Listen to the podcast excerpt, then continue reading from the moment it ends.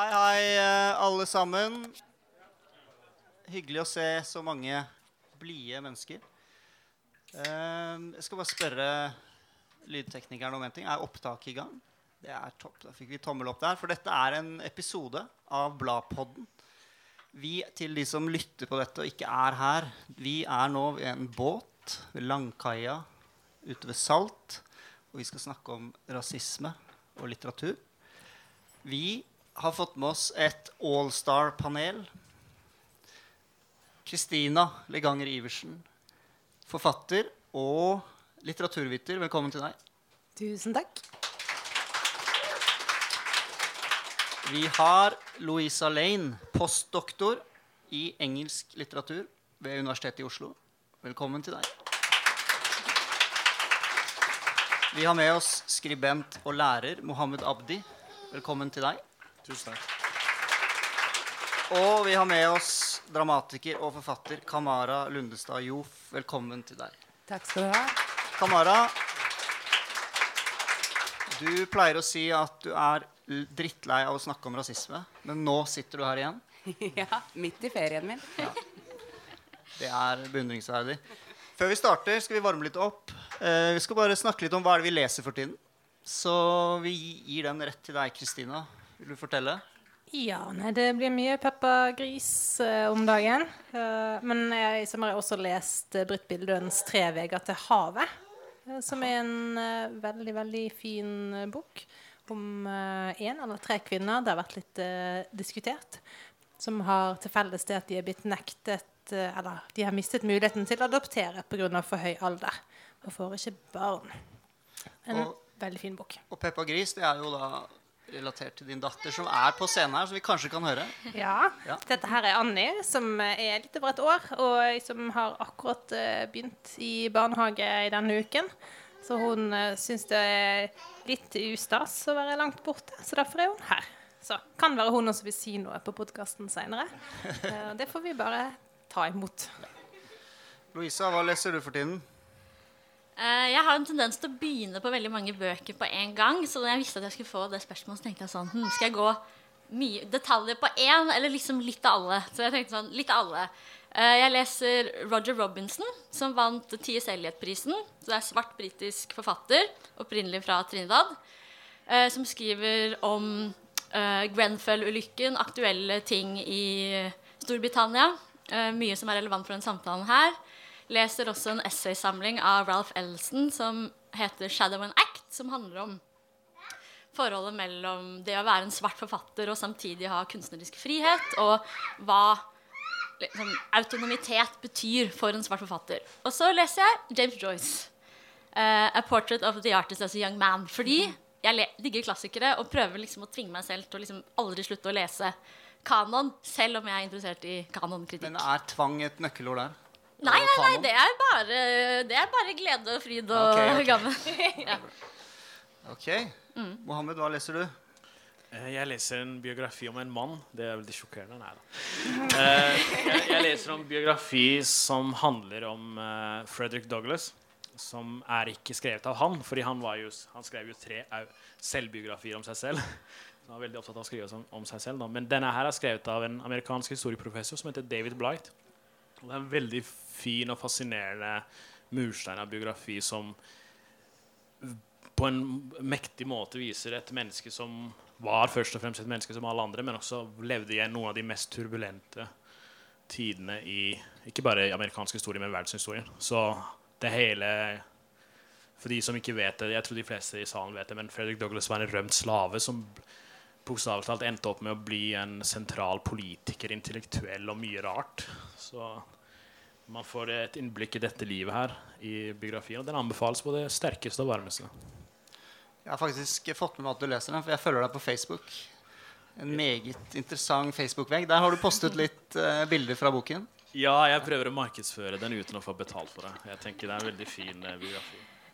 Hvis jeg hadde gidda, skal være litt arrogant, så hadde jeg oversatt den til norsk. Så jeg syns den er så bra. Så.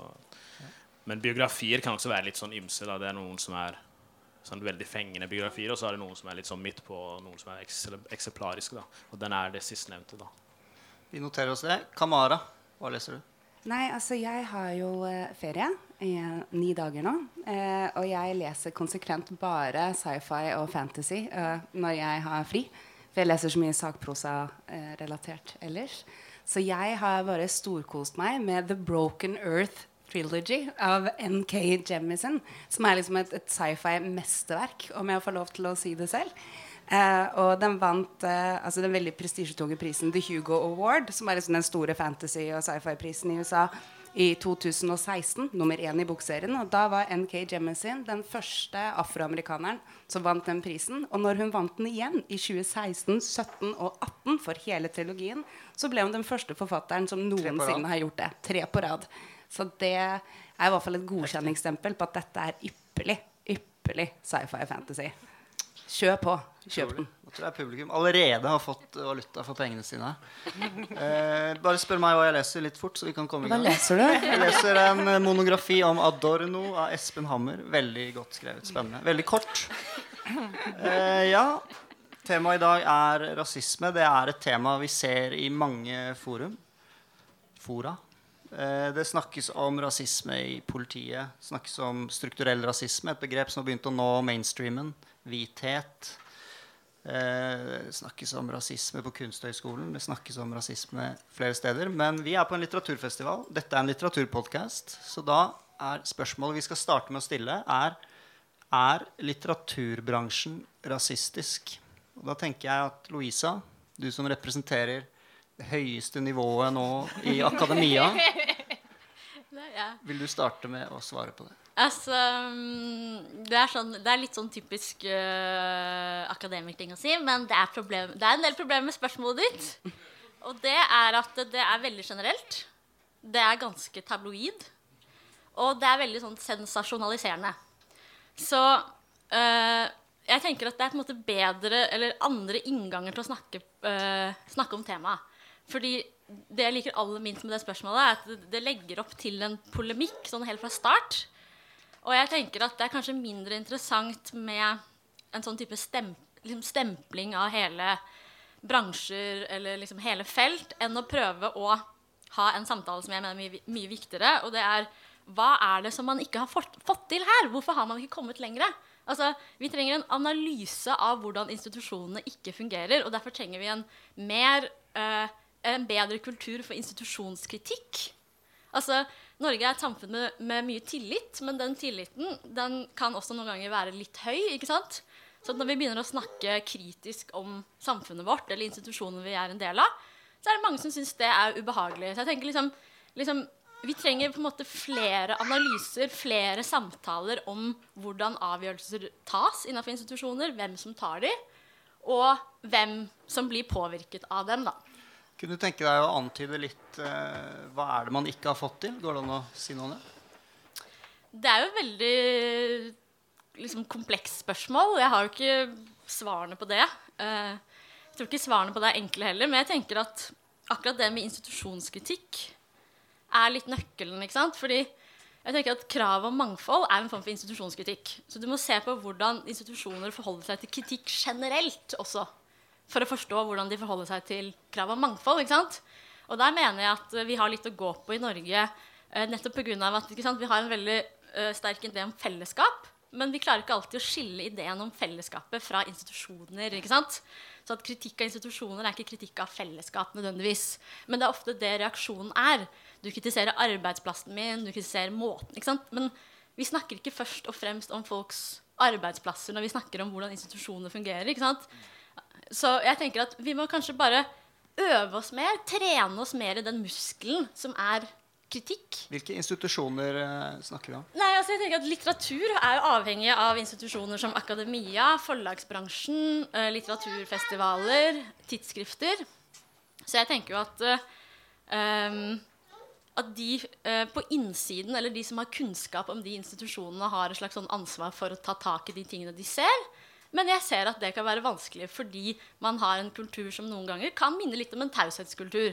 At det er liksom illojalt å snakke ned uh, der man jobber og sånn. Og jeg tror det er mer sånn her enn en del andre steder. Rett og slett fordi man har ikke så høy tillit. I Storbritannia så vet de at det er et klassesamfunn. Derfor har de diskutert klasse og blitt pesa om hvordan de står i forhold til klasse i hundrevis av år. Ikke sant? De har veldig, veldig, veldig, veldig, veldig god øvelse i den type konfrontasjon. Det har ikke vi. Så kanskje vi trenger liksom en, en kulturendring hvor vi tør å gå inn i disse tingene her uten at det er personlig, uten at det er usaklig, uten at det er personangrep, men forståelse som, uh, for hva som er på spill. Da. Og det er egentlig demokratiet vårt. Da. Kan jo eh, si meg enig i alt det Louisa sier. Så tenker jeg at En annen inngang til, til å svare på et sånt spørsmål er å tenke hvorfor stiller vi det spørsmålet nå? Eh, og, og hvorfor har det, det spørsmålet blitt stilt? Jeg, eh, jeg skrev en doktorgrad som jeg begynte på for en del år siden, i 2014 for å være eksakt. Eh, og de første gangene jeg presenterte den, handlet om hvithet i skandinavisk samtidspoesi. Så var det nesten ingen som skjønte hva det var jeg skulle skrive om, eller eh, hvorfor det var noe å skrive om. Hvorfor skulle vi snakke om, om hvithet og liksom de ideene om nasjonen? Det var veldig, sånn, veldig, veldig fremmed. Og det er det ikke i dag. Så på de årene, de seks årene så har det skjedd en del ting. Og en del av de tingene som har skjedd, det er jo at det har blitt veldig synlig at selv om vi i Norge har eh, heldigvis eh, flere liksom, sterke forfattere som er ikke-hvite, eh, så er det fremdeles sånn at litteraturverden i veldig stor grad eh, er eh, befolket av hvite mennesker, og det er hvite mennesker som er portvoktere veldig, veldig mange steder. I 2018, som Mohammed eh, nevnte når vi snakka om denne samtalen på forhånd, så viste jo en undersøkelse Morgenbladet hadde gjort, at det var bare var det 1% av de ansatte i norske forlag de hadde gått gjennom, som var ikke hvit eller annen minoritetsbakgrunn. da. Jeg tror det var seks av 606 ansatte. Ja. Så i underkant da, av 1 Eh, Hvis vi ser på hvem som er kritikere i, i aviser og tidsskrifter, så er jo også det overveldende hvitt. Louisa nevnte mange institusjoner. Jeg vil legge til skriveskole. Eh, For når det kommer til liksom hvem som blir forfattere, så er det mye enten folk som har vært innom akademia, eller folk som har vært innom en skriveskole. Så det er, sånn, det, det er mange som har en portvokterfunksjon. Eh, vi som er ofte i litteraturverdenen, vi har lett for å se på oss sjøl som sårbare, spesielt vi som er frilansere. Men, men det er mye hvite portvoktere, og det er nok fremdeles mange som ikke nødvendigvis tenker over det faktum at det er sånn, eller hva det betyr å ta et ansvar for det, da, og for å arbeide for en forandring. Det tror jeg det er mye mye usikkerhet knyttet til. Og den usikkerheten gjør folk gjerne redde og litt defensive, lett sårbare og paralyserte. Ja, for, Tror jeg. er, for er det noe med tematikken som man har berøringsangst? Er det litt det jeg hører også? Ja, Mohammed? Nei, jeg tror ikke det er berøringsangst i, med tematikken. Det er at man ikke ser den i det hele tatt. Jeg tror det er det det handler om. Fordi det eksempelet som det Morgenbladet-artikkelen snakker jo også om at uh, man skulle feire som mangfoldsår. Så hadde, man foretok dette ti år tidligere, så skulle man se hvor mange ansatte i forlagsbransjen, som er en liten gruppe fra før av. Det er 600 et eller annet mennesker der, så det er ikke stor sektor uh, i Norge. I norsk arbeidsliv. Men uansett så var det sånn at de, man hadde ikke kommet lenger ti år seinere, 2018. Eh, men jeg tror det handler også om eh, ikke bare hvem som sitter med portvokterrollene, men også hva som blir gitt ut, eh, hva slags temaer som blir tatt opp. Og vi kan jo sikkert komme tilbake til hvis vi rekker det eller ikke, men at det handler jo også om eksempel når man ser på litteratur gitt ut, skjønnlitteratur eller sakprosa av mennesker som har en minoritet, etnisk minoritetsbakgrunn, som er nordmenn, da, men som har også en annen etni, eh, som har etnisk minoritetsbakgrunn, så vil du si at det er mye sånn problem, eh, det, jeg vil, det jeg ville kalle for sånn, sånne smale temaer som angår dem. da. Eh, som har noe med om det er sosial kontroll, eller om det er æresvold. om det er, eh, Og så er det denne famøse forsøket på å kalle romaner for innvandrerromaner, som man gjorde med Seshan Shankars eh, bok, som egentlig er en oppvekstroman, først og fremst. Men hvis Seshan Shankar het Bård et eller annet, så hadde man kalt det oppvekstroman. Men det var jo tilfeller hvor folk kalte det for innvandrerroman, som egentlig er en veldig problematisk eh, betegnelse. Men så det handler ikke om bare menneskene, det handler også om tematikken og det man går glipp av. Fordi de som har portvoktere, ser jo ikke disse perspektivene. Så man får egentlig Eller som, altså de som er lesere og kunder, får ikke det hele norske samfunnet eh, innblikk i det hele samfunnet. Da må du selv aktivt søke. ikke sant? Så man gir ut eh, jeg skal, Dette er kanskje litt generaliserende, fordi jeg leser ikke så mye norsk samtidslitteratur. Men det blir den samme unge kvinnen eller mannen med en eller annen middelklassebakgrunn som har skrevet om tapt kjærlighet. Og det å flytte ut fra bygda eller storbyen. Jeg holder på med en sånn roman nå. Sant? Så det, Den blir sikkert veldig bra, Jonas. Jeg skal ikke drive og eh, for, forhåndsstemme den. Men, men det blir veldig sånn der eh, Litt sånn Man ser seg blind på tematikken også, i tillegg til hvem som sitter med portvokterrollen. Ja. Skriver du den nye Hvit ungmannsromanen, eh, Jonas? Jeg er ikke så ung lenger, men eh, jeg må forte meg. Du er ung i litteraturverden. Det kan være. Men kan vi endre dette her med portvoktere? Altså, er det noen raske grep? Ikke raske, kanskje, men Ja, altså, Hvis jeg skal bare være litt sånn eh, litt rask der er et, eh, Jeg vil gå tilbake til det eksempelet Louise brukte, som jo- eh, Storbritannia. Der har man forlagsbransjen som tar disse tingene på alvor. Penguin, en av som er gigantisk da, sammenlignet med de vi har i Norge. Og de, de satser masse millioner. Ikke bare penger, de kaster ikke penger bare på tematikken, men de gjør noe aktivt. Og det er å ta mangfold på alvor. Og det er de går gjennom prosesser, ansettelsesprosesser, rekrutteringsprosesser. Eh, hvordan de innhenter eh, manuser, seminarer, workshop. De, altså, så de gjør mye arbeid. Det er en egen sånn der side Penguin forteller litt om hva de har gjort. da.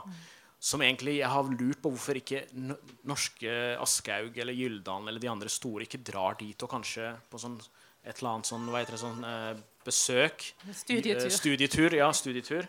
For å få henta inn noe informasjon. Fordi jeg er også veldig bare for å avrunde, jeg er veldig eh, forsiktig med å ikke begrense dette her til et spørsmål om hvem som har portvokterrollen. Fordi det kan være en person som meg, som ser ut som meg, som har norsk-somalsk bakgrunn, som kan ha portvokterrolle, men samtidig ikke er opptatt av mangfold. Det kan også være et problematisk. At jeg ikke er opptatt av f.eks. klasse eller andre ting. Man må også tenke mangfold, ikke bare personene skal stå for en eller annen form av mangfoldsbakgrunn, men de skal også vise det i sitt arbeid. da. Nei, jeg vil bare si at uh, akkurat det med det mangfoldstiltaket da, til Penguin, som har vært ganske stort og omfattende Så om jeg var i forrige fjor, så inviterte Norsk Forleggerforening hele den avdelingen til Norge for å ha et sånt stort seminar på Litteraturhuset. Så de hadde i hvert fall en sånn dybde, et dybdeblikk på det for to år siden. Og så sitter vi fortsatt og venter på implementeringen de lovet. Eh, ja, jeg var også der, og der kan være snakke det var veldig fint og interessant. Og så, uh, det, jeg syns det seminaret der kunne vært sånn studieobjekt. Sånn hvorfor det ikke blir noe mer Altså hvorfor vi ikke kommer videre. Fordi det som skjedde der, var at uh, Forleggerforeningen hadde tatt et veldig godt initiativ, som var å ha en sånn seminarserie som skulle fokusere på mangfold. Så de inviterer Penguin til Norge for at det skal være liksom en dialog. Hva kan man lære av ting som har fungert? Det er en uh, dame som er head of corporate responsibility, som legger fram masse strategier. Statistikk, anonymisering av prosesser, endring av internship-praksis, uh, skriveskoler, uh, endring av ansettelser Eller liksom en annen type ansettelsesprosess. Og så var det noen representanter fra norsk forlagsbransje som hørte på det. Og så sa de Dette er veldig sånn, ok, dette er bare essensen, jeg husker ikke ordrett. Men de sa det er veldig fint at de gjør det i Storbritannia. Det er kjempefint, fordi mangfold er veldig viktig. Det er kjempebra, det de har fått til der. Men Norge er et annet samfunn. Vi er øh, satt sammen på en helt annen måte.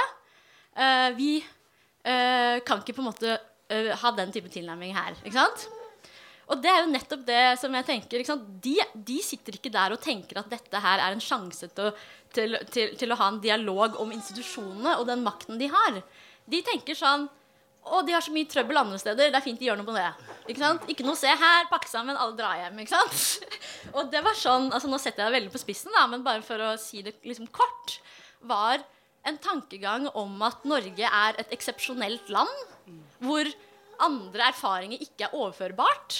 Og det er greit nok at man har den meningen, men man trenger ikke å argumentere for den, for den er så åpenbar. Så det er ikke sånn at du må gjøre rede for hvordan du kom til den, til den uh, konklusjonen. Dette er den type ting som jeg tenker at vi må snakke mer om. Altså, Hvorfor har du et sånt seminar hvor, hvor du kan si en sånn ting, og så blir det ingen diskusjon? Jeg var der også. Jeg turte ikke å rekke opp hånda. Fordi jeg var sånn, jeg jobber ikke i forlagsbransjen, så jeg føler ikke at jeg har innsikt nok. ikke sant? Men, men det er jo akkurat et sånt case. Det er sånne ting som jeg tenker at vi må stoppe opp og så si hva er det som ikke har fungert her? Hva kunne blitt gjort annerledes for at dette skulle ført til en slags form for endring? Da tenker jeg at hadde man sagt hm, ok, det er noen ting som ikke er overførbart. Noen ting er det. Så hadde vi kanskje liksom vært på Så veien det et sted. er selvrefleksjon, blindsoner blindsoner Jeg vet ikke, jeg skal jo ikke si om, altså, om det har med eng altså, Jeg tror de, de ga uttrykk for at de syntes det var veldig kult, det som ble gjort der. Men det er bare en følelse av at det ikke var overførbart. Kamara ler. Når, Ja.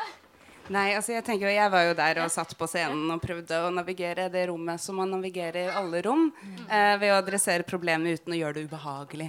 Eh, fordi det er jo litt der det stopper. Det sekundet samtalen eh, kommer til et punkt hvor den faktisk betyr noe, så blir den veldig ubehagelig for alle, og så stopper det opp. Eh, men det jeg stussa veldig på når Eh, og det handler ikke om det seminaret spesifikt. Nå er det jo ikke noen som er fra arrangørene der som er her, men i nesten alle seminarer For vi, kulturlivet har jo ganske mange konferanser og seminarer etter hvert hvor vi snakker om mangfold. Eh, og det, jeg tror vi faller også litt tilbake samme gangen og hver eneste gang om at motivasjonen også er litt korrupt. Altså at Når man snakker om mangfold og inkludering, så snakker man om det som et eller annet sånt veldedighetsprosjekt. Som litteraturbransjen, scenekunstbransjen eller eh, billedkunstbransjen skal gjøre for å inkludere disse stakkarene som er utenfor, som sitter der og har det så vondt og ikke ser seg selv reflektert. Eh, og ikke som et demokratisk problem, et demokratisk problem som vi har ansvar for.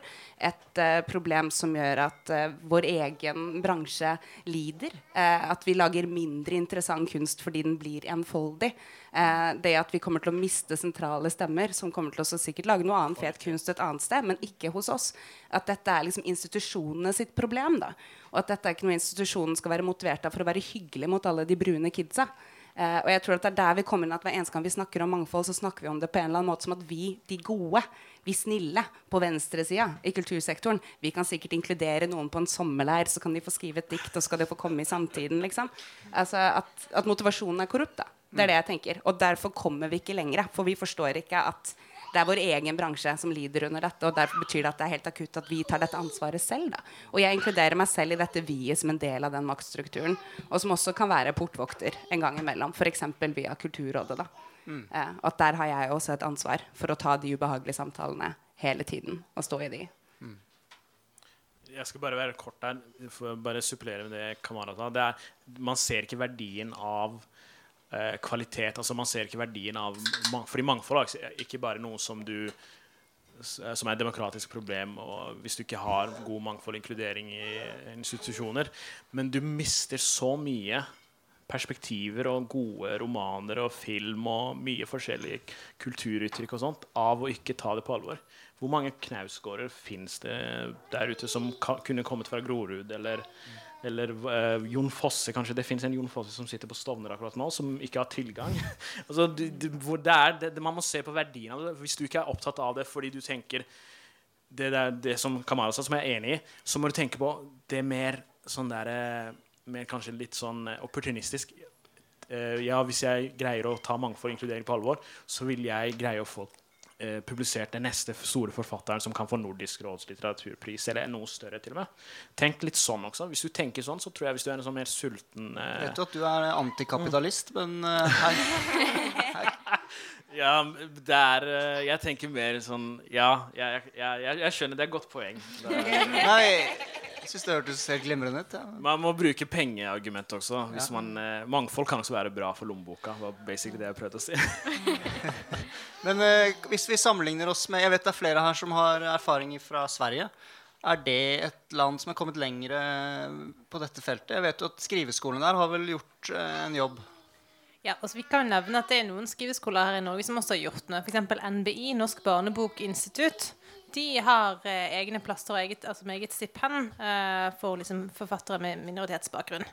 Eh, så det er på en måte en sånn ting som man, som man kan gjøre for å øke rekrutteringen. Og spesielt med barnebøker kan man jo si at det er et veldig stort demokratisk problem hvis ikke det eh, skrives barnebøker eh, om, eh, av eller for eh, barn som kommer fra alle mulige bakgrunner, og som vokser opp i eh, et samfunn eh, der eh, vi har ja, to mødre eller to fedre, der vi har foreldre som tror eller ikke tror, der vi er hvite eller ikke hvite i det hele tatt. Så det er jo sånn, Litteraturen har jo en sånn type funksjon også. Så det, det er noen som gjør det. Det vi kan se Altså, de har ikke vært fri fra disse diskusjonene i Sverige heller. Selv om vi kan liksom tenke på Sverige som vår liksom, politisk korrekte storebror da ting er bedre, så er det ikke alltid bedre på den måten. Men de har fått en del av disku, disse diskusjonene mye, mye tidligere.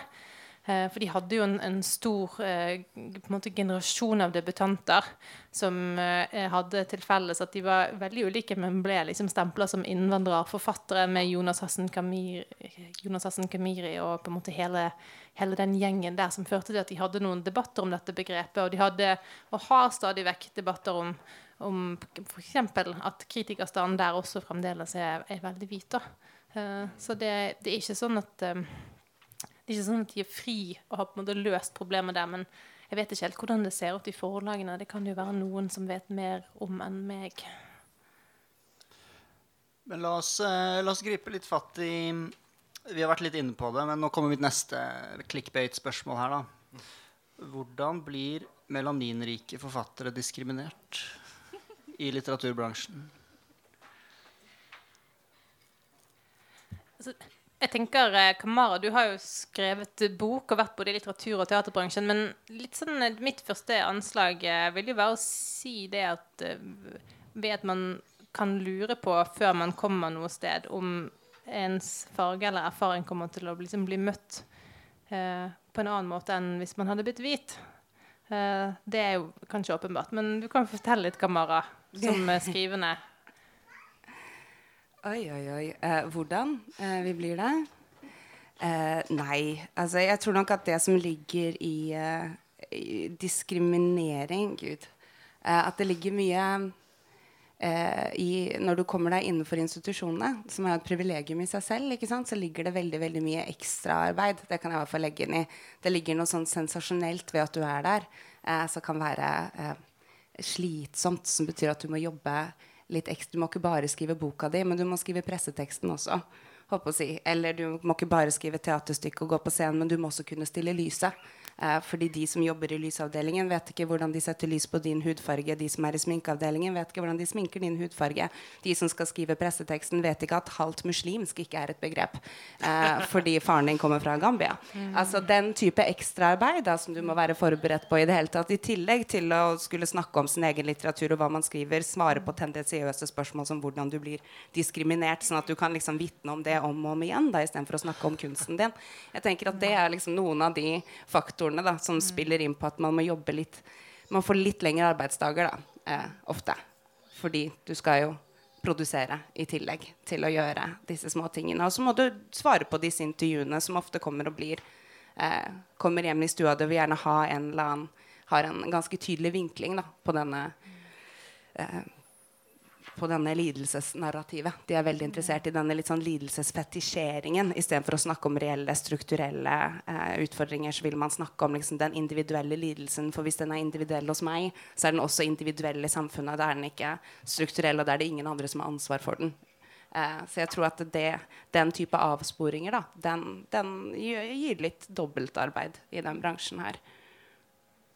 Um, eh, jeg er veldig opptatt av at selv om man snakker om institusjoner, så er det veldig mye institusjonskritikk i litteratur, og at det er veldig mange forfattere som har skrevet om masse, mye av dette her på bra måter. Og at uh, afroamerikansk litteraturhistorie, karibisk litteraturhistorie og fra andre deler av verdenslitteraturen på engelsk, så er det liksom Det er liksom en massiv liste av noen av de beste forfatterne i det 20. århundre som har snakket om mange av disse tingene her. ikke sant? Så jeg tenker at selv om vi er i en sånn unik situasjon hvor vi vil snakke om ting som er aktuelt, og personlige erfaringer og sånn, så tenker jeg sånn Jeg syns vi må bli flinkere til å faktisk bruke de ressurs, ressursene som er der. Som ikke er en, om, det, om det ikke er en klassisk kanon, så er det liksom en form for kanon. da. Og jeg tenker sånn som for Ralph Ellison er en forfatter som kanskje en del folk som jobber i forlag, burde eh, kanskje lese flere av essayene til. For en av de tingene han sier, er at eh, Altså det som Han irriterte seg over ved å være en afroamerikansk eh, forfatter, er at når man skal snakke om afroamerikansk litteratur, så klarer man ikke å ta med seg liksom, begrepsapparatet fra noe annet felt. Og så må liksom eh, diskusjonen på en måte skje på helt andre, ofte mye enklere premisser enn det man snakker om annen eh, litteratur. Og det er noe jeg reagerer på når jeg ser anmeldelser av forfattere med innvandrerbakgrunn. Eller sånn. Det er sånn, du kan bare snakke om det som du ville snakket om et litterært verk. Og så bare trekke inn all teori og erfaring og kritikk og bruk liksom, utdannelsen du har til å analysere dette her. Men istedenfor så er man sånn Ja, hva føler du om liksom, ditten datten? Eller liksom Altså, det må være slitsomt for uh, en del minoritetsforfattere å hele tiden få arbeidet sitt liksom dummet ned da, i en del sånne foraer. Og det tenker jeg er en sånn ting som som gjør at det, Altså Jeg så Shashan Shakar som f.eks. fikk spørsmål om innvandrerromanen. ikke sant?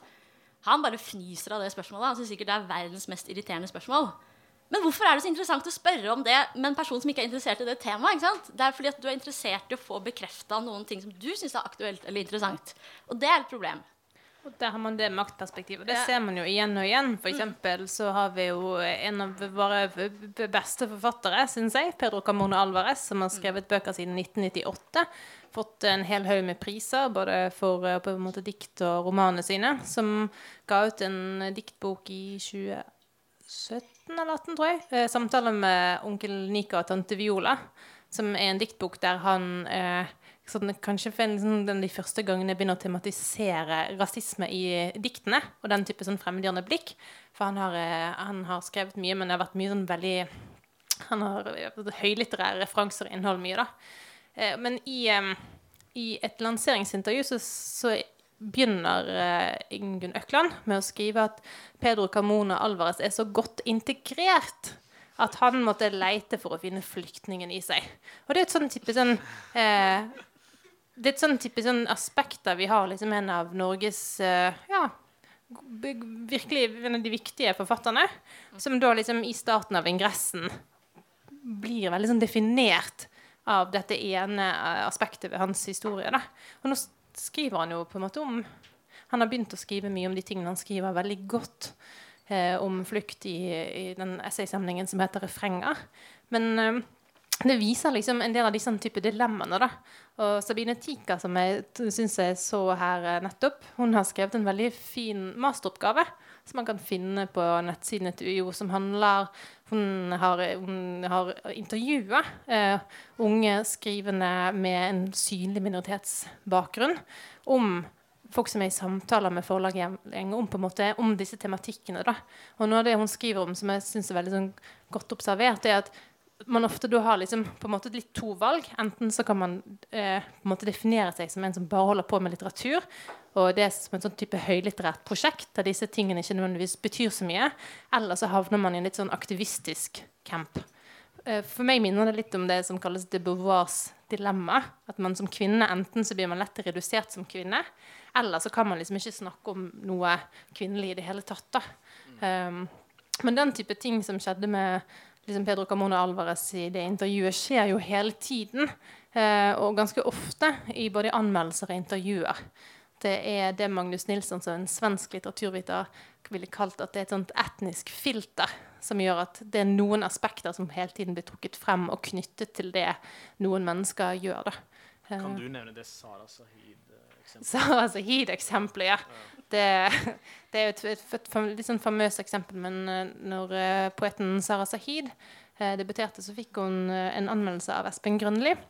Espen Grønli er, han er litteraturviter og har jobbet, eh, jobbet mye med T.S. Eliot og en sånn type skolert innen den modernistiske tradisjonen. Eh, så en, eh, en kompetent mann. Men han begynner anmeldelsen med å stille spørsmål om det er lettere for ikke-hvite eller for folk med minoritetsbakgrunn å få publisert tingene sine hos norske forlag fordi de er på jakt etter den store norske innvandringsromanen. Eh, og så sier han at ting kan tyde på det, men heldigvis er denne boken god nok, da. Som også er en sånn forferdelig sånn type eh, problematisk og ubehagelig måte eh, å begynne med å liksom eh, og, Ja, og unødvendig. Og liksom å undergrave og implisere at noe nærmest er kanskje kvotert inn, da. Um, og også hvis man, eh, hvis man så på at Sumaya Jirdali skrev en veldig fin tekst et like etter dette som handler om det. Hvis man liksom ser på litteraturverden, så ser man at det er definitivt ikke et problem at det er for mye eh, for lett eller for mye eh, andre enn hvite mennesker som skriver. Men, men, disse tingene skjer. da, Jeg tenker at eh, det viser jo at det er en sånn eller Det er en av mange måter det viser at det er sånt Det er virkelig en, en, en, lang vei fra mange av de områdene der eh, folk lever og kanskje skriver, og forlagshusene og eh, den offentligheten, altså. For det er jo ikke sånn at det er sånn når man, når man, man leser om ungdom i, i Groruddal nå, så, så, leser man jo som en annen ja, som også på en måte kom frem med de anmeldelsene. Det men mange som har et blikk av Gorodal som et sånn helt forferdelig sted, liksom, der eh, ingen leser og skriver, og endelig kommer det noe litteratur til oss derfra. Men, men altså sånn har, vi, altså, sånn er det jo ikke. Eh, det er jo absolutt ikke sånn. En venn av meg er norsklærer.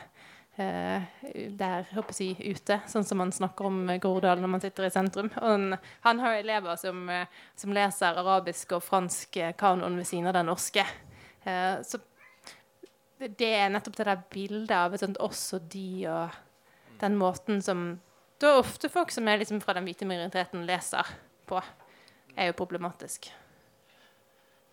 Du nevner The Beauvoirs dilemma. Jeg har ikke hørt om det før. The Beavers dilemma, som de sier i noen, noen sier i USA. Um, dere har jo oversatt um, Claudia Rankine. Rankin. Ja. Hun er jo, altså, Hvis jeg forstår det riktig, så er det enten så blir du redusert til kvinne, eller så må du holde deg unna tematikken. Mm. Claudia Rankin er jo veldig eksplisitt i de dere har oversatt eh, 'Medborger' og 'Det hvite kortet'. Uh, samtidig virker det som hun også har fått en ganske blir veldig anerkjent. Men hvordan fungerer den dynamikken når hun allikevel er så eksplisitt i, i, tematikken? Ja, altså Claudia Rankine er jo en veldig veldig godt etablert eksperimentell poet. Eh, det er hun jo også veldig tydelig på. Hun er også professor i poesi på Yale universitet i eh, USA. Så hun er jo veldig opptatt av å forankre den posisjonen samtidig som at hun er veldig tydelig på at dette er den tematikken som opptar henne. Men hun har også skrevet bøker om andre ting. Eh, men hun er veldig, veldig flink til å tydeliggjøre at eh, at rasismen, spesielt i et samfunn som USA, da, som hun skriver ut fra det perspektivet, gjennomsyrer alt annet hun skal ta for seg, uavhengig om det er i akademia, eller om hun skal skrive om en abort, eller om hun skriver om når hun fikk kreft. Så gjennomsyrer det møtet med legene, møtet med eh, kollegaer, møter med i ansettelseskomiteer. Så hun er veldig flink til å veve eh, alle disse erfaringene i det nivået i samfunnet sammen, da, som gjør henne til en damn good poet og måten hun gjør det på. Men jeg tenker jo jeg tenker veldig mye på dette med eh, Beavers dilemma, som du kalte det. Eh, fordi jeg, jeg, har jo tatt noen veldig Og det er veldig viktig for meg å at jeg har tatt noen veldig konkrete valg om at jeg skriver om rasisme. Det er det jeg som dokumentariker, både i scenetekst og eh, i litteratur, så er det det jeg omfatter meg med. Det er det jeg skriver om, og det er det jeg snakker om absolutt hele tiden. Eh, og jeg prøvde, når jeg først skulle inn i kunstbransjen, så var jeg veldig opptatt av at jeg ikke skulle skrive om det hele tatt. Jeg skulle ikke ha noen ting med det å gjøre. Jeg skulle jobbe med noe eksperimentelt og noe annet og noe avantgarde. Eh, men innså at uavhengig hva jeg gjorde, uavhengig hva jeg skrev, så ble det lest politisk. Det sekundet kroppen min var på en scene, så var det også politisk. For jeg var den eneste sorte kroppen på den scenen. Det ville bli anmeldt eller lest eller tolket ut ifra den konteksten. Og da følte jeg at jeg mistet så mye kontroll over mitt eget narrativ, så mye kontroll over min egen politikk. Eh, fordi det ble da noen andres fortolkning av min kropp som fikk lov til å bli liksom, det førende politisk, at jeg tok et ganske sånn konkret valg da jeg var i midten av 20-årene, om at da skulle jeg ta det narrativet tilbake og så være med på å definere det selv. Så jeg jobber jo veldig veldig tydelig med antirasisme som mitt kunstneriske prosjekt. Mm. Eh, samtidig som jeg driver og prøver å understreke at det ikke gjør at det har mindre kunstnerisk relevans enn alle andre kjærlighetstragedier. Eller politiske å, kamper. Hvordan var det å Det virker nesten du måtte ta det valget for å få den kreative energien tilbake? Mm. Men herregud, jeg var så naiv når jeg kom inn i kunstbransjen. Det var ingen anelse. Jeg hadde ingen tatoveringer, for jeg trodde jeg skulle bli skuespiller. Så jeg valgte å ikke få noen tatoveringer i løpet av ungdomstiden min, for jeg tenkte at kroppen min skulle være nøytral. Og så kom jeg til Oslo og ble kasta som prostituert hele tiden. Og jeg bare Nei, jeg skjønner ikke. Jeg er jo nøytral. Jeg har jo ingen tatoveringer. Jeg, jeg, forstår ikke. Altså, så jeg kom jo inn med et sånt en sånn kjempestor drøm om at selv om jeg var veldig var på at rasisme og rasistiske strukturer eksisterte, så trodde jeg liksom at kunstbransjen var god. At den var utenfor, og at venstresida var et fint sted. Og at dette ikke kunne være et problem her. Og det tror jeg kanskje er kunstbransjen og venstresidas store problem. At vi tror at vi er gode, og derfor kan det ikke skje her. Men jeg har ennå ikke satt opp et uh, stykke på et norsk institusjonsteater uten at det har blitt foreslått at jeg skal ha N-ord i tittelen min. Uh, og jeg begynner å bli ganske etablert nå. Eh, så disse tingene skjer hele tiden og eksisterer kontinuerlig. Men da handler det litt om å ta grep om det selv. da, er Det jeg har skjønt. Det har i hvert fall vært det som har vært viktig for meg, sånn at jeg slipper å føle meg redusert. Um, en annen ting som, uh, uh, som, jeg, som jeg merker litt sånn Kanskje litt sånn hvordan Dette er kanskje mer sånn mainstream-aviser og sånn, da, men hvordan man snakker om litteratur og norsk litteratur og norsk samtidslitteratur, uh, henger jo litt sammen med hvordan man snakker om Norge generelt, eller hvordan man snakker om samtiden generelt. ikke sant? Og jeg synes ofte det er sånn, Dette er sånn, en, en av de mest sånn forutsigbare fremstillingene. er sånn, uh, Ja, det er sånn Uh, ja, Hvis vi skal snakke om minoriteter og litteratur, så er det sånn når, Da må vi ha festival i Groruddalen. ikke sant? Eller så må det, altså sånn, fordi det er der bor de. Eller så er det Oslo, liksom Oslo, så er det Oslo vest, og så er det Frogner.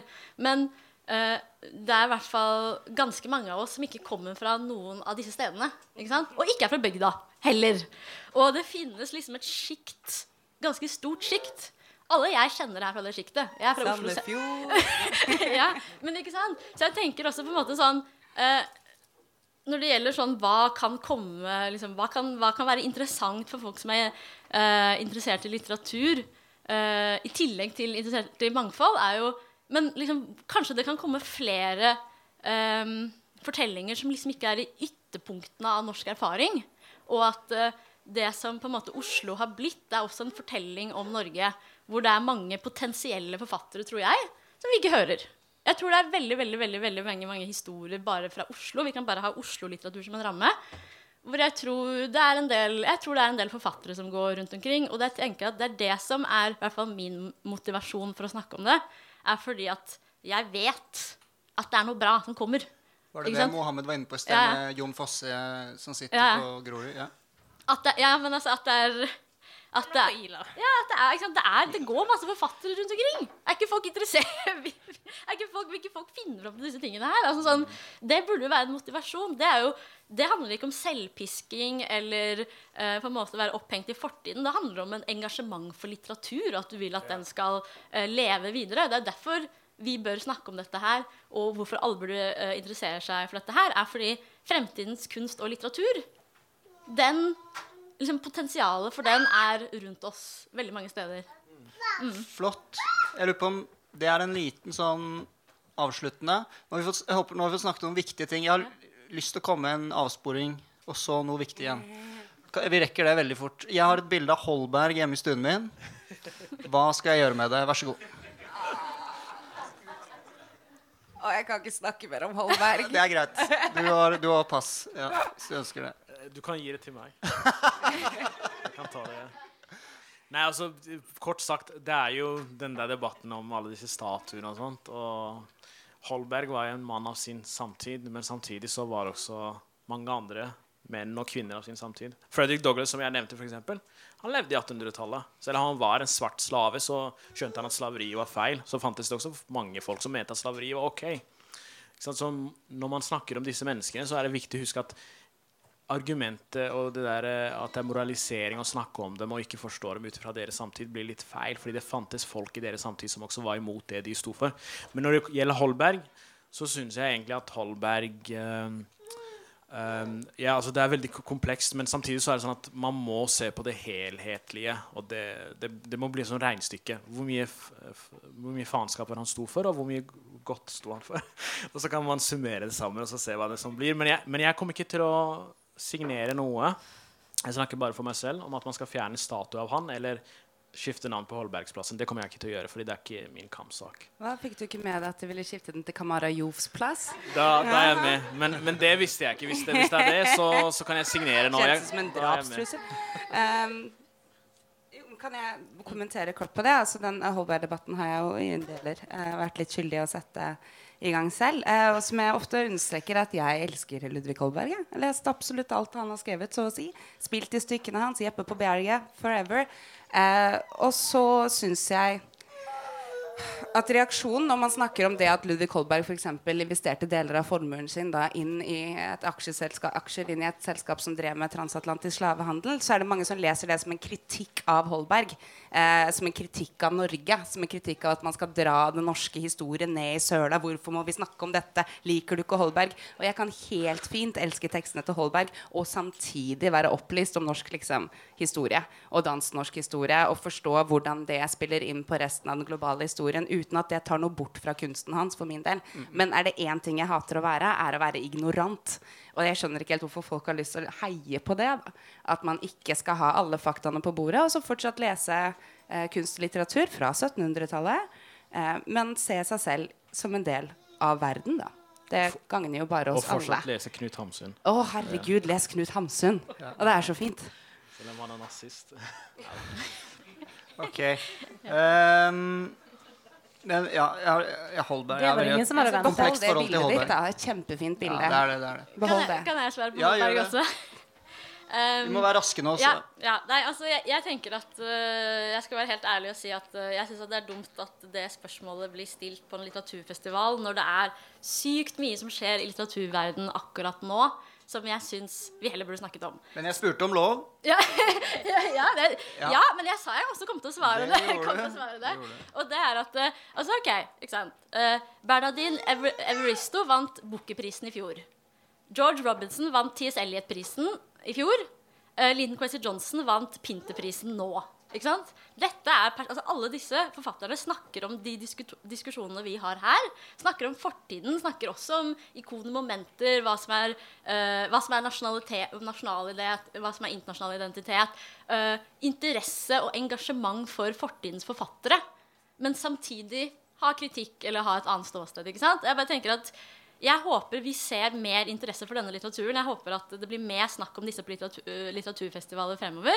Og jeg håper at det er noe som kan være liksom vekk Altså folk kan gjøre fordi at det er interessant og givende for dem. Og da ja. syns jeg vi avslutter ja. med en runde med anbefalinger. Nå har du nevnt noen navn, men vil uh, Hvem vil starte? Jeg kan starte. Jeg kan si at jeg syns alle bør lese Og nå tenker jeg noe av det du snakker om, handler også litt om USA og Storbritannia. Mm. for øvrig, Men den amerikanske poeten Terence Hayes eh, Plukk opp han. Eller eh, google han og eh, gå inn på eh, poems.com, eller hva den siden heter, poetry.org, og les diktene hans der. Yes. Ja. Jeg har brukt fire år av livet mitt på Linden Quessy Johnson, så selvfølgelig sier jeg Linden Quessy Johnson.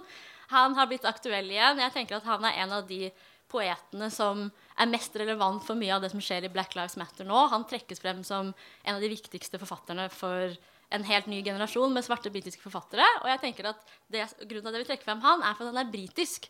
Man snakker mye om amerikanisering og amerikansk litteratur og sånn, men Storbritannia, det, ser, det, det, skjer lignende ting.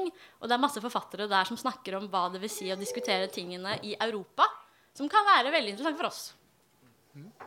Jeg vil foreslå Kamara Joff. Jeg skulle egentlig si James Baldwin, men eh, jeg liker å si at Kamara er på samme nivå som James Baldwin. Så det er lov å overdrive litt, da. Nå sier vi avslutter. Ok. Nei, eh, da sier jeg James Baldwin. Nei, altså, Jeg vil igjen bare understreke at det som er så fantastisk med denne sci-fi-trilogien som jeg leser, The Broken Earth Trilogy av NK Jemisin, er jo det at eh, at det fins så utrolig mange dyktige forfattere som klarer å problematisere hvordan samfunnet våre er skeivt fordelt i metaforer uten at de trenger å bli klassifisert som en eh, aktivistisk forfatter. NK Jemison er psykolog, og hun skriver så sinnssykt godt om menneskelig natur satt i ekstreme situasjoner. Og jeg vil bare på det sterkeste anbefale alle å plukke opp den, og anbefale et forlag å plukke den opp også. Det lar vi være avsluttende ordet. Tusen hjertelig takk til dere, og takk til publikum.